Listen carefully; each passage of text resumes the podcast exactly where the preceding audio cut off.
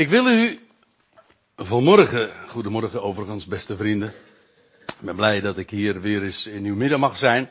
En u mag bepalen bij een schitterend onderwerp.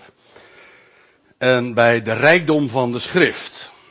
En ik kan me voorstellen dat de, het thema dat u hier zo ook ziet geprojecteerd wat bevreemding wekt. Want het is een woord dat je wellicht niet dagelijks in de mond neemt. Judaïseren. En ik denk ook dat het uh, wel enige toelichting behoeft om even om te begrijpen waar, waar het nu eigenlijk uh, over gaat.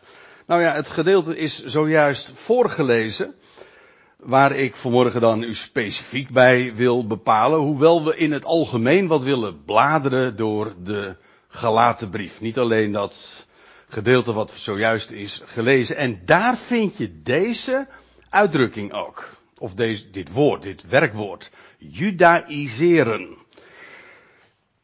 En dat is in het veertiende vers van Galaten 2. Daar zegt Paulus tegen Kevas. En Kevas is dezelfde naam als Petrus, alleen in een andere taal. Het ene is Grieks, het andere is Aramees. Maar dan zegt Paulus tegen Kevas, en moet ik er nog even bij zeggen, inmiddels, dat is na die apostel, beroemde apostelvergadering in Handelingen 15, ik kom daar straks nog even op terug. Dan is Paulus weer teruggegaan naar Antiochië, dat is, ligt ten noorden van Israël, en daar ontmoet hij dan Petrus.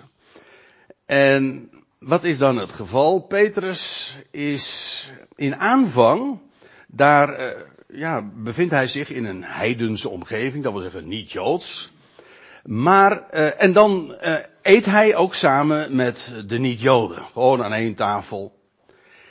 En dan komen er, dat is dus zojuist voorgelezen, dan komen er mensen uit Jeruzalem, uit de kring van Jacobus. En vergis u niet, dat is maar niet een, een huiskringetje geweest. We weten uit het boek Handelingen dat dat een enorme massa mensen is geweest die de Messias, Jezus Christus, geloofden, maar allemaal ijveraars voor de wet waren. En Jacobus, dat was trouwens de broer, de halfbroer van de Heer Jezus, die was daar eigenlijk de man. De, de, ja, feitelijk ook bij, uh, bij verstek van, uh, van zijn broer, eigenlijk ook degene die daar in Jeruzalem uh, de zaakwaarnemer was. Naar het vlees dan. Dus u begrijpt wat ik bedoel. Maar in ieder geval, uit de kring van Jacobus uh, kwamen daar toen ook mensen, ook in Antiochië. En dat waren ijveraars voor de wet. Dat wil zeggen, dat waren mensen die strikt Joods leefden en daar grote nadruk op legden. En toen werd Petrus bang. In aanvang at hij gewoon samen met de niet-Joden aan één tafel. En hoe we dat ons precies moeten voorstellen, daar heb ik wel een gedachte bij, maar dat doet nu even niet de zaken. Maar in ieder geval, toen kwamen daar Joden dus uit, uh, uit de, de, de strikte, de orthodoxe school, zeg maar, uit Jeruzalem. En toen werd Peters bang. En dan lees je dat hij zich van die mensen uit de heidenen uh, terugtrekt. En dan gaat hij gewoon weer alleen met de Joden samen eten aan één tafel. En dan wordt Paulus verschrikkelijk boos. Dan zegt hij ook, het ongelijk was aan zijn kant. Dan moet je zeker van je zaak zijn. En dat was hij ook. En dan weerstaat hij hem ook openlijk in het gezicht. Dat staat er ook in het bijzijn van allen, zei Paulus tegen Kefas, indien jij, een Jood, zoals de natieën, en niet als een Jood leeft, want dat had hij zojuist gedaan, in, door in aanvang wel gewoon met die, die mensen met die heidense achtergrond uh, hadden uh, samen te eten. Nou, indien jij, een Jood, zoals de natieën en niet zoals een Jood leeft, hoe kun je dan de natieën dwingen te verjoodsen? En hier wordt het vertaald met verjoodsen of zich als Joden te gedragen. Maar eigenlijk is het verjoodsen. En hier staat in het Grieks ook het woord, dat lijkt als twee druppels water ook op, op ons Nederlands werkwoord, judaïseren. Dus, wat Paulus zegt, door je nu weer te onttrekken aan, aan deze heidense medegelovigen, dwing je feitelijk hen Joods te worden om weer samen met jou aan één tafel te kunnen eten. Dus eerst leef jij heidens hè, en niet joods. En nou vervolgens dwing je de joden impliciet, hè, door jou niet uh, kwijt te raken, dwing je hen feitelijk te verjoodsen. Te, in feite wat je doet is hen judaïseren. Nou en daar wil ik vanmorgen eens wat meer over spreken. Want waarom zegt Paulus dat? Omdat hij, omdat die kwestie nou precies ook speelde in Galatië. Nou, dan moet ik even de situatie tekenen. Uh, schilderen wat er eigenlijk aan de hand was in deze gelatenbrief. Want dat gaat eigenlijk helemaal over dat onderwerp judaïseren. Nou, Paulus had, dat weten we ook uit het boek Handelingen, in de streken van Galatië het woord van genade gepredikt. We hebben daar een uitgebreid verslag van, van Lucas, Paulus' medewerker. In Handelingen 13 en 14 lees je dat. In Icodium, Lystra, Derbe enzovoort. Die plaatsen worden daar allemaal genoemd. En Paulus heeft daar het woord van genade verkondigd. In een, een heidensomgeving. Daar waren dus weliswaar ook Joden. Maar een voornamelijk dus, ja, buiten het land. Een heidensomgeving. En met succes. Dat wil zeggen, er waren er velen ook die, die gehoor hadden gegeven aan dat geweldige woord. Maar het waren heidense mensen. Die waren, en die bleven ook gewoon heidens, dat wil zeggen niet Joods. Uh, overigens, uh, om daar eventjes een idee bij te hebben, hier heb je dus even een, een landkaartje van het Midden-Oosten. Hier, met hier dus Israël. Ja, ik kan het maar op één plaatje tegelijk natuurlijk uh, eventjes aanwijzen. Maar dan heb je hier Turkije, of toen de tijd Azië of Klein-Azië. en daar in het midden, zo in deze cirkel, daar, dat is de landstreek van Galatië. Eigenlijk ook Gallië. Hm? Dat is eigenlijk dezelfde gedachte. Dus, de mensen die daar woonden, dat, was, dat waren de mensen die later naar, ook in Frankrijk, eh, of eigenlijk uit Frankrijk kwamen. Afijn, uh, Galatië. En daar had Paulus dus gepredikt. Maar, en dat is dan handelingen 15, daar, toen Paulus daar weer zijn voeten gelicht had, toen kwam hij weer terug daar in Antiochië. En daar was uh, commotie ontstaan. Want ja, dat was toch maar al te makkelijk. Vanuit Joodse kring was daar commotie ontstaan. Want uh, wat zij namen, wat was namelijk de gedachte? Die mensen zijn nu tot geloof gekomen in Jezus de Messias.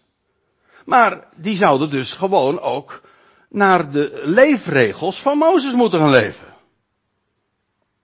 En de besnijdenis, dat lees je dan allemaal ook in Handelingen 15. Die zouden besneden moeten worden en die zouden naar de gebruiken moeten wandelen. En Paulus was daar moordicus tegen. Want het was een woord van genade en, nou ja, daar komen we straks nog wel op terug, wat, wat er zo op het spel stond en, en waar het Paulus om gaat. En, nou, dat zullen we ook aan de hand van de gelaten brief zien. Er wordt dus een vergadering belegd, daar in eh, Jeruzalem met alle apostelen eh, bij elkaar. En unaniem, voltallig, de hele vergadering besluit, dus ook Jacobus, eigenaardig, want die heeft uiteindelijk ook zelfs de, de beslissende stem, of in ieder geval het eindstem, die zegt, nee. Dat wil zeggen, die heidenen hoeven niet de last hè, van de geboden van Mozes te dragen. Zij, hen wordt niets opgelegd. opgelegd. Ze zouden zich alleen houden, en dat lees je dan ook, dat wordt dan uh, ook uitgesproken. Ze zouden zich houden aan datgene wat voor alle mensen altijd al sinds Adam en Noach geldt. Namelijk zich onthouden van de hoererij en de afgoderij en, en geen bloed eten. En dat, maar dat goed, dat was niks bijzonders, want dat was niet specifiek Israëlitisch, dat gold voor alle mensen. Dat waren de dingen die, die uh, gelovigen zouden doen, en voor de rest waren zij vrij. Nou, dat was een ontzettende duidelijke uitspraak. Maar, eh, oh ja, en dan moet ik er dan ook nog even bij zeggen. Vervolgens die besluiten worden eigenlijk ook op schrift gesteld. Paulus gaat ook met die besluiten eh, vervolgens eh, de boer op. Hij gaat eerst naar Antiochië en daar heeft hij die ontmoeting met Petrus, waar ik het zojuist over had. Wat er vervolgens in Galatië gebeurde, is een subtielere aanval. Want uh, we, we, weten ook uit uh, de Galatenbrief, die vergadering had inmiddels al plaatsgevonden. Want in Galaten 2 wordt beschreven dat, dat de apostelen vergaderd zijn, hebben. En we lezen dat ook als u een bijbeltje bij u hebt. Want u denkt natuurlijk, dat die andere Piet die heeft toch een powerpoint, dus ik hoef geen bijbeltje mee te nemen. Maar dat, vind, dat is geen goed idee. Uh, blader eens even met me mee. Dan staat er in Galaten 2 in de eerste tien versen. Dat is de vergadering die, van, van, waarin Paulus en de apostelen dus bij elkaar zijn. En, maar, dan zou je zeggen van nou ja, hoezo dat daar in Galatië dan nog dat, uh, dat probleem is met, over de heiden en de wet. Nou, het was subtieler. Want weliswaar ging er het nu niet meer om de vraag of de heidenen om gered te worden de wet moesten houden. Nee, nu zei men, en dat was de, er waren predikers daar in Galatië gekomen en die zeiden van, ja, om rechtvaardig te zijn en om rechtvaardig te leven en om rechtvaardig te wandelen, kan je niet buiten de wet van Mozes om. Als je wil weten wat is rechtvaardig, nou dan moet je naar de, bij de wet van Mozes wezen. Dus het gaat in de gelaten brieven niet om redding of om behoud. Nee, het gaat om rechtvaardigheid. En dat is heel gemakkelijk te bewijzen. Ik weet dat er wordt heel vaak over die gelaten brief gezegd dat daar die predikers uh, in Galatië gekomen waren en die leerden van dat, dat de heidenen uh, niet behouden konden worden zonder de wet van Mozes. Nou, nee, dat werd er niet gezegd. Het hele woord behoud komt zelfs in de hele gelaten brief niet eens voor. Het gaat puur om rechtvaardigheid. En om rechtvaardig leven. En wat betekende dat dan? Die judaïsering. Wat Paulus al in feite dus uh, ooit had verweten aan het adres van, van Petrus. Maar wat daar in Galatië dus speelde, was ook een judaïsering. Er waren predikers gekomen daar in Galatië en die zeiden van, ja jullie zijn nu allemaal wel uh, gelovig geworden. Maar, en prima, en je, en je bent gered, dat wel, maar als je rechtvaardig wil leven, dan zul je toch de wet van Mozes moeten houden.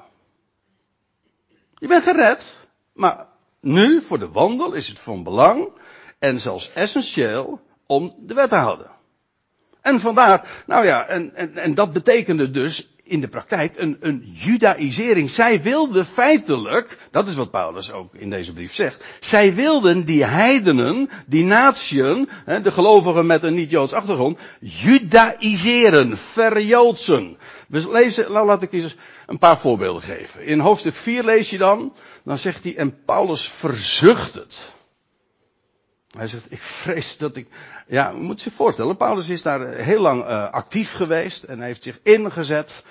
En hij heeft een boodschap van genade gepredikt en ze waren zo gelukkig. En, en, en nou zegt hij van, ik vrees dat ik me wellicht te vergeefs voor jullie heb ingezet. En dan zegt hij in vers 10 van Galaten 4, ja, jullie observeren nu dagen en maanden en bestemde tijden en jaargangen. En dan, en dan verzucht hij van, nou ja, ik vrees dat ik me wellicht te vergeefs voor jullie heb ingezet. Hij had ze de vrijheid gepredikt. Jullie zijn rechtvaardig. Door hoe? Wel door gewoon God te geloven. Ook daar kom ik straks nog eventjes op terug. En nu observeren jullie weer dagen. Ongetwijfeld denkt Paulus daarbij ook aan de Sabbat. Hè? Want ja, bij uh, dat verjoodse en bij de wet van Mozes en leven volgens de wet van Mozes hoort de Sabbat. En dus nemen jullie weer dagen waar elke zevende dag. En dan mag je dit en dan mag je dat niet. En, en de hoogtijden, maanden, bestemde tijden, jaargangen. Nou ja, denk maar aan al die, aan Loofhuttenfeest of Pesach. Of denk ook aan de Sabbatsjaren. Dat alles observeerden ze nu weer.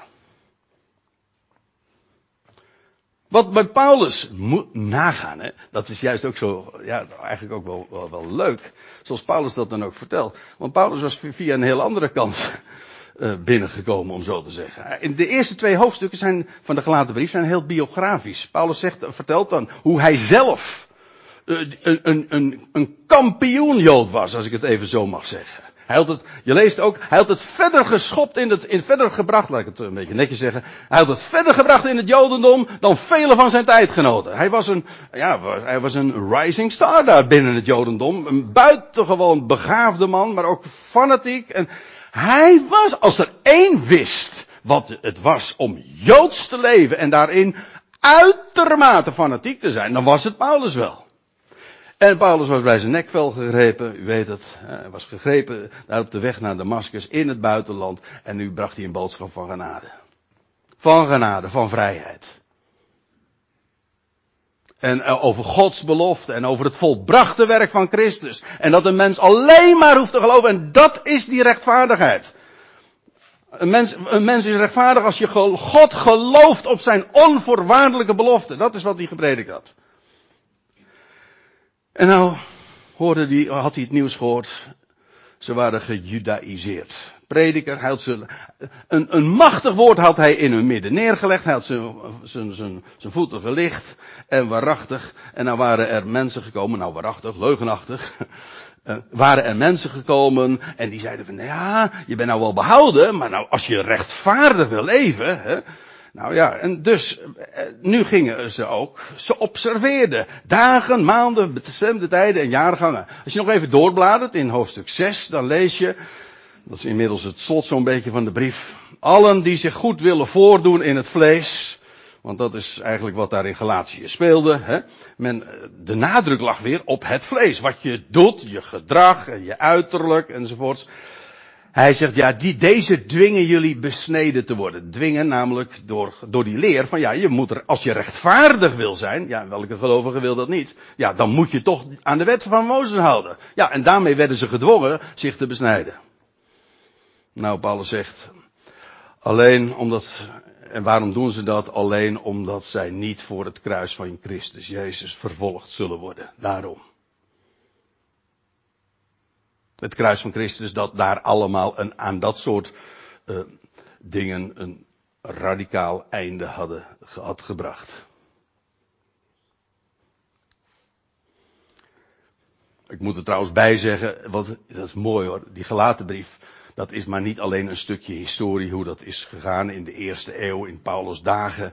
Maar ik zal u vertellen, en dat geldt voor al die brieven die we in het Nieuwe Testament vinden, in het bijzonder voor de, van de apostel Paulus, de apostel van de natieën, waar wij onze oren bij te luisteren leggen. Dat is zo actueel. En als je ook ziet hoe dat in de kerkgeschiedenis is gegaan. De, de kerk heeft al in een heel vroeg stadium, de christenheid, uh, waande zich Israël. Wij, wij hebben de plaats van Israël ingenomen. Feitelijk werd daarmee ook de kerk al gejudaïseerd. wij zijn Israël.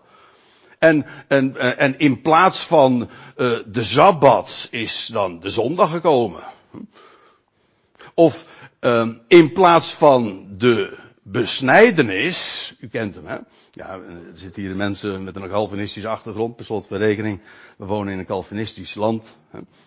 Uh, in plaats van de besnijdenis is de doop gekomen. Dus in feite de hele christenheid is precies in de fout vervallen, waar die Paulus zo scherp aanwijst in de gelaten brief. Ze zijn gejudaïseerd. En trouwens in de christenheid op een hele valse manier, want allerlei, uh, in, in Galatië kun je nog zeggen van daar, daar, was, daar, daar, daar werd men echt gejudaïseerd in die zin van dat men echt de Joodse gebruiken en de Israëls hoogtijden en, en dergelijke en de besnijdenis gewoon één op één op de heidenen oplegde. In de christenheid is het eigenlijk nog vervalst en men heeft allerlei dingen vervangen. De Sabbat werd de zondag, uh, maar uh, je kreeg ook allerlei priesterkasten, ook in de, in de uh, priesterordes enzovoorts. En die hele kerkelijke hiërarchie en altaren en priester en ambtelijke kledij. Noem maar op. Maar ook de hele leer van de besnijderis die nu via, die eigenlijk veranderd is en nu de vorm van de doop heeft aangenomen. In feite, het is allemaal judaïsering. En dat maakt deze brief zo actueel. En wat er ook achter steekt, men wil van Paulus af. Men kan niet uit de voeten met hem. En dat speelde ook in Galatië. In Galatië werd Paulus uh, roeping, Paulus bediening in discrediet gebracht. Vandaar ook dat Paulus met in, uh, ja, nou ja, ik mag wel zeggen, om het even in voetbaltermen te zeggen, met gestrekt been erin gaat. Want in de eerste, de eerste, in het eerste hoofdstuk laat hij ook zien van ja, ik ben een apostel van Jezus, van Christus Jezus. Kijk, die Galatiërs, of daar die predikers daar in Galatië die succes hadden en die judaïseerders, uh, die zeiden van ja, die Paulus dat is een tweederangs apostel, die hoort niet eens bij de twaalf joh. En Paulus zegt, ja, het is, uh, het is eigenlijk omgekeerd. Ik ben, de, uh, ik ben door Christus Jezus hoogst persoonlijk geroepen. En onderwezen zelfs. Niet alleen maar één keer geroepen, maar daarna ook onderwezen. In Arabië, jazeker, waar ooit de wet van Mozes gegeven was. Heel boeiend trouwens. Daar is hij onderwezen. Tweede rangs. Als er één een update kon geven. En de meest actuele informatie van Christus Jezus, Hans persoonlijk zelf, kon doorgeven, was Paulus. De twaalf hadden al op aarde onderwijs gekregen. Maar Paulus had onderwijs gekregen bij het hemelse licht, en ik bedoel het dubbelzinnig, van Christus Jezus. Zelf. De hoogste, de verhevene. Dat is nog eigenlijk een ander, eh, dat is nog eventjes, uh, different cook, hè? Ja.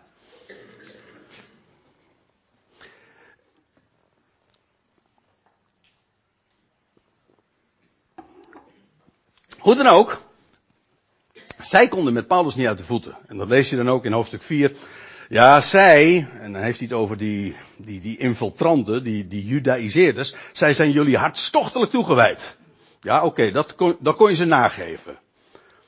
Ze waren heel erg op hen gefocust om ze te winnen. Maar Paulus zegt, maar niet deugdelijk. Zij willen jullie isoleren. Nou, hij bedoelt daar in dit verband van mij.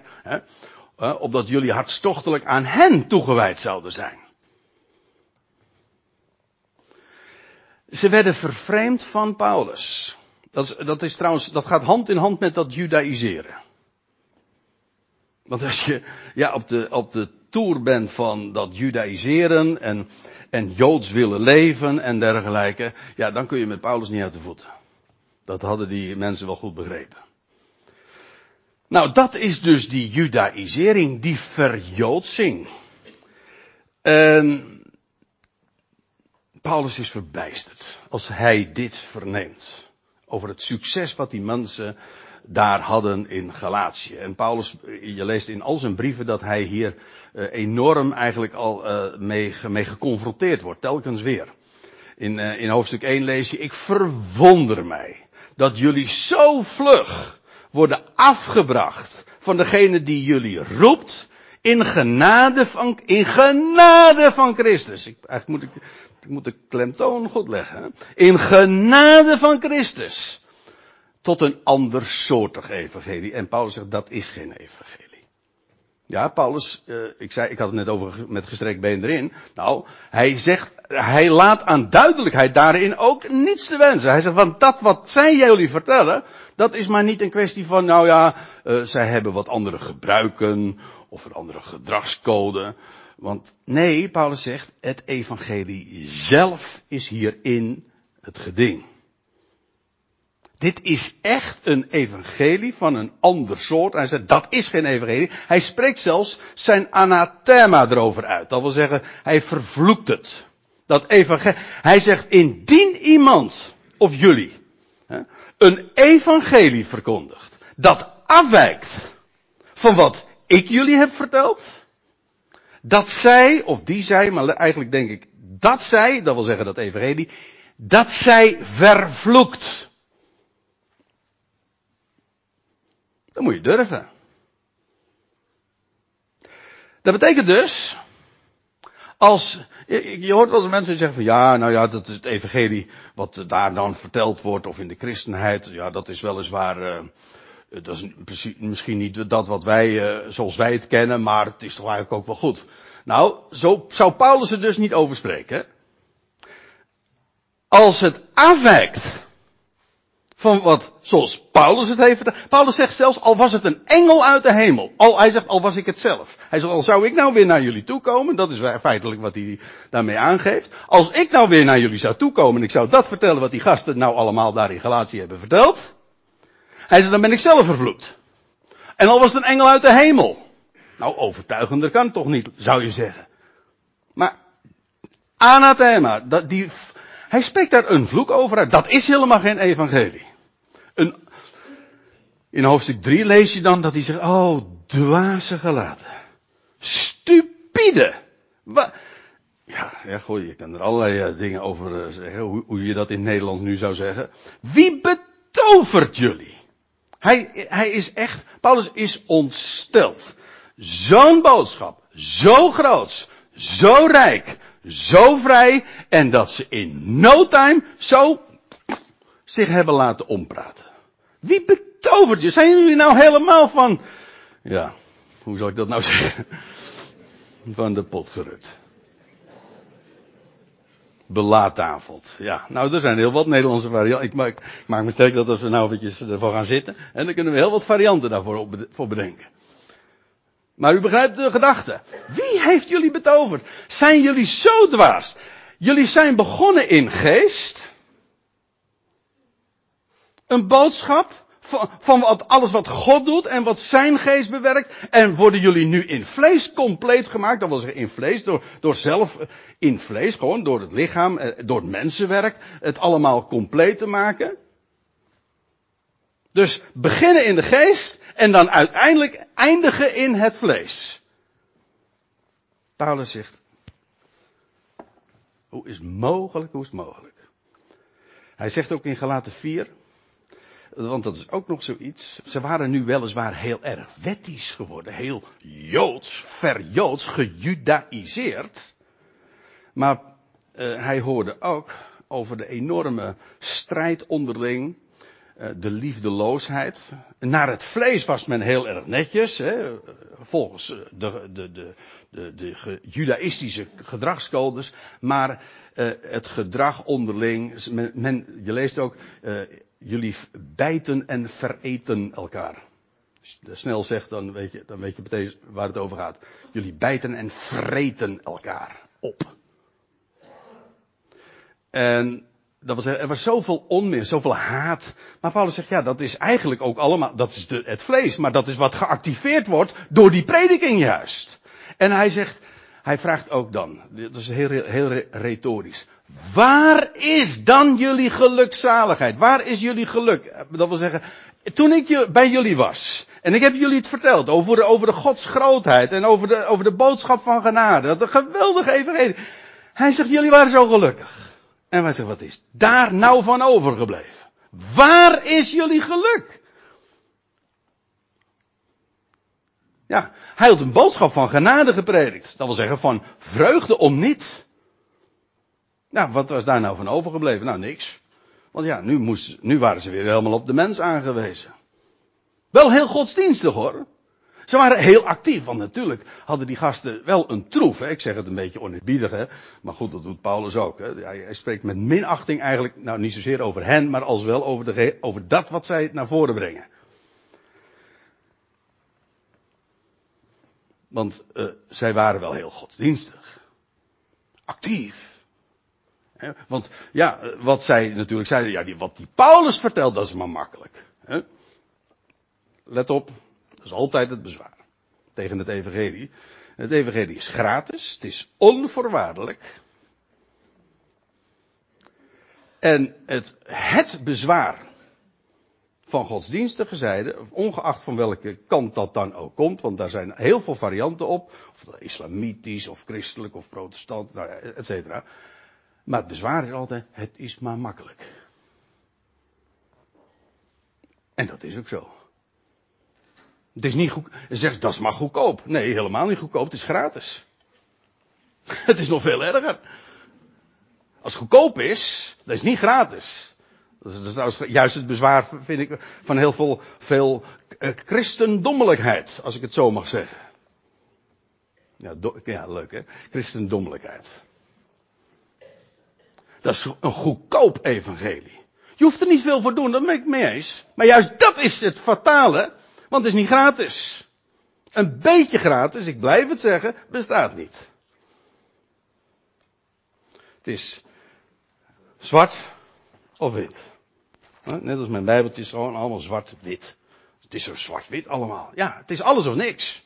Maar het, het, het, is niet een beetje van dit en een beetje van dat. Waar is jullie gelukzaligheid? Even terug. Nou, wat stond er nou op het spel? In, ik lees even mee. In Galaten 5. Daar zegt Paulus. Christ, hij heeft het over dat wat daar gepredikt werd. Christus werd teniet gedaan. Bij, bij jullie die in de wet worden gerechtvaardigd. Hij heeft het nu, hij, richt zich tot daar de, de, de, de gelaten, Galatiërs, of hoe je het maar zeggen wil. Hij zegt, jullie die in de wet worden gerechtvaardigd, daar waren ze nu mee bezig. Dat was gepredikt. Hè? In door de wet te houden, eh, word je rechtvaardig. Nou, wat gebeurt daarmee? Wat, wat doe je dan? Wel, dan wordt Christus teniet gedaan. Dan heb je hem eh, niet meer nodig. Want Christus, de boodschap in Christus is, in hem ben je compleet. Het is volbracht. Nou, op het moment dat je gaat vertellen dat, dat je niet rechtvaardig kunt zijn, buiten de wet om, dan heb je Christus dus niet gedaan. Paulus zegt het nog sterk, hij zegt vervallen uit de genade. Je stond in de genade, maar het gaat er juist om dat je blijft staan in die genade. En als je dat niet doet, zoals zij dat dus zegt van die gelaten. Hij zegt, nou dan ben je vervallen uit de genade. Want wij, zegt hij, het was jullie zij daar in, Galatië, die, werden, die wilden nu door de wet gerechtvaardigd worden. Maar Paulus zegt, want wij verwachten vanuit geloof. In geest, niet vlees, in geest, hoop van rechtvaardigheid. Ja, dat, dat is echt, dat is een totaal andere bron. Heel andere aard. Ik lees nog even verder. Dat is ook een mooie. Galaten 2. Ik, ik, zei al, ik had u al gewaarschuwd, we bladeren gewoon wat zo door de brief. Maar ja, de, de, de boodschap, als je dat leest, kan je niet en mag je uh, ook niet ontgaan. Paulus zegt, ik wijs de genade van God niet af.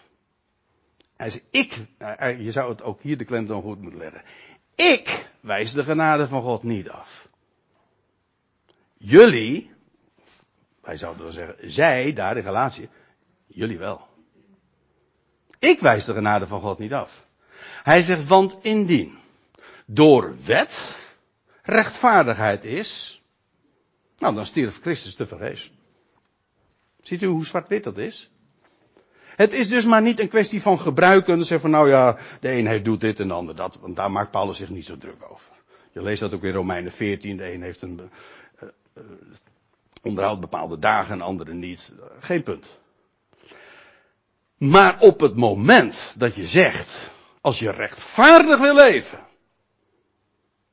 dan kun je niet buiten de wet om. Dan moet je de wet van Mozes houden. Dan zegt Paulus, dan is Christus te vergeefs gestorven. En kortom, dan heb je de genade om zeep geholpen. Dan heb je, dan heb je misschien nog wel een evangelie, maar dat is een ander soort en dat is geen evangelie. Dat is, geen, dat is ook geen goed bericht, dat is geen, geen blij nieuws, want dat is, eh, dat is, eh, ja, dat is het geweldige van, van, van, van het evangelie. Het is een mededeling. Christus Jezus, hij stierf ooit. Er stond een kruis in deze wereld en daarmee is bewezen, God houdt van deze wereld en hij riep toen, het is volbracht. Hij is de redder. Van wie? Zeg van de hele wereld, het is volbracht. En dat mag je geloven. Ja, ja, geloven. Het of niet? Dat is juist de boodschap. En dan zeggen mensen van, ja, maar je moet het wel geloven. Hm? Dan weet je meteen uit welke hoek de wind waait, vanwege dat woordje maar. En ik denk dan altijd van, als ze zeggen van, ja, maar je moet het wel geloven, dan denk ik, nou vertel het ze dan. Dat hij de redder is van de wereld. Het is volbracht. Dat is maar makkelijk. Heb je hem weer, hè? Ja. En Paulus zegt, zo zwart-wit is het dus. Daar valt niet mee te sjoebelen. En dat wat er in Galatië speelde, dat is de hele kerkgeschiedenis door zo actueel geweest. En nog steeds. Ja. Nou, en dan gaan we. Wat is dan Paulus' verantwoording? Ik zei u al, die gelaten brief is eigenlijk in twee. In, nee, dat zei ik nu niet. Uh, maar is eigenlijk in drie delen op te splitsen. De eerste twee hoofdstukken, dat is autobiografisch. Dat wil zeggen, Paulus vertelt over zijn eigen leven. En dat dient dan allemaal om ook de, de leugens die daar in Galatië verteld worden, uh, te ontmaskeren. En dan in Galaten 3 en 4, daar uh, gaat Paulus echt uitleggen en verdedigen. En dan vertelt hij waarom hij staat, waarom hij, uh, waar hij staat. En dan gaat hij ook uitleggen en demonstreren en aantonen en bewijzen vanuit de schrift dat wat zij daar in Galatië vertelde niet naar de, niet de waarheid is. Niet, het is niet naar de schrift. En om dan uiteindelijk in hoofdstuk 5 en 6 uh, de, de praktische consequenties daarvan ook aan te wijzen en toe te lichten. Dus die drie delen. Die verantwoording van Paulus, gewoon zijn uitleg en ook de, de, het, het aan het, de kaak stellen van de leugen die daarin in, door die judaïseerders gepredikt werd, dat eh, vind je in die hoofdstukken, gelaten 3 en 4. En Paulus voert Abraham op. En dat is, dat is heel boeiend. Ja, dat, het, die, brief steekt echt ook uh, prachtig in elkaar. Ook qua betoog en qua logica en qua argumentatie is dat zo ijzersterk. Want wat Paulus vertelt is, het is domweg niet waar wat jullie vertellen, dat je rechtvaardig alleen maar kunt zijn door de wet van Mozes te houden. Hij zal stel ik eens wat vertellen. En dat, dat, dat loopt als een rode draad door alle, al Paulus brieven heen. Zou interessant zijn om dat eens ook uh, om dat eens te laten zien. Doe ik nu niet. Want hij, hij, hij wijst daar nogal eens een keer op. En dan wijst hij op Abraham. Hij zegt, weet je dat niet? Geen, uh, dan gaat hij terug naar de, de Torah. Hè? Ja, hij zegt dan ook in Galaten 4, dus even later in, in deze brief dan, dan zegt hij, zeg mij, jullie die onder de wet willen zijn, luisteren jullie niet naar de wet? En dan neemt hij ze mee naar de, de geschiedenis van Hagar en Zara. En dan laat hij zien de, hele typologie enzovoort. Jullie willen toch zo graag naar de wet luisteren? Nou, hier, alsjeblieft, hier heb je de wet. En dan laat hij zien hoe die hele geschiedenis van Hagar en Zara en de belofte, en de zoon van de belofte en de zoon van het vlees, hè, Ismaël. Hoe dat precies ook demonstreert waarom die gasten daar in Galatië, die predikers, die judaïseerders, er volstrekt naast zitten. Wat Paulus doet in Galaten, in, uh, in, in Galaten, hij zegt, weet je nog, Abraham. Genesis 15. Die werd ooit geroepen uit Ur der Galdeeën. En die werd op een nacht naar buiten geroepen. Kijk eens omhoog. Dan zag hij al die sterren. En toen zei God, zo zal jouw nageslacht zijn. Een belofte.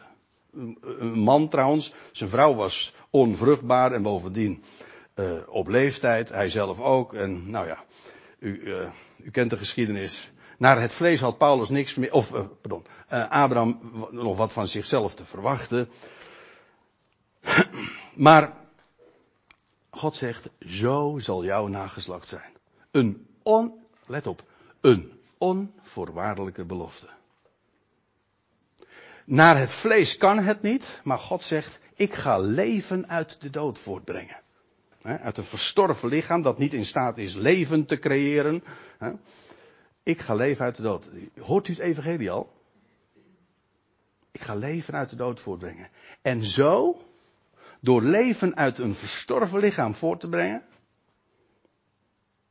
ga ik heel de wereld zegenen. En dan zegt God niet tegen Abraham, als jij zus of zo, helemaal niet, geen enkele voorwaarde. God belooft hem gewoon, punt. Uitroepteken.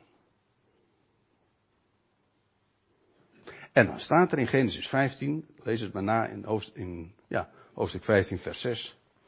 En dan staat er, en Abraham geloofde God. Letterlijk staat er in het Hebreeuws, Abraham beaamde God. Ja, hij beaamde wat God zei. U zegt het. En hij geloofde hem. En dan staat er achter, en het werd, God, het werd Abraham tot rechtvaardigheid gerekend. Gewoon in, wij zouden zeggen, voor God was Abraham een rechtvaardige. Waarom? Deed hij iets? Nee. Hij hoorde. En God beloofde. En Abraham zei, zo is het.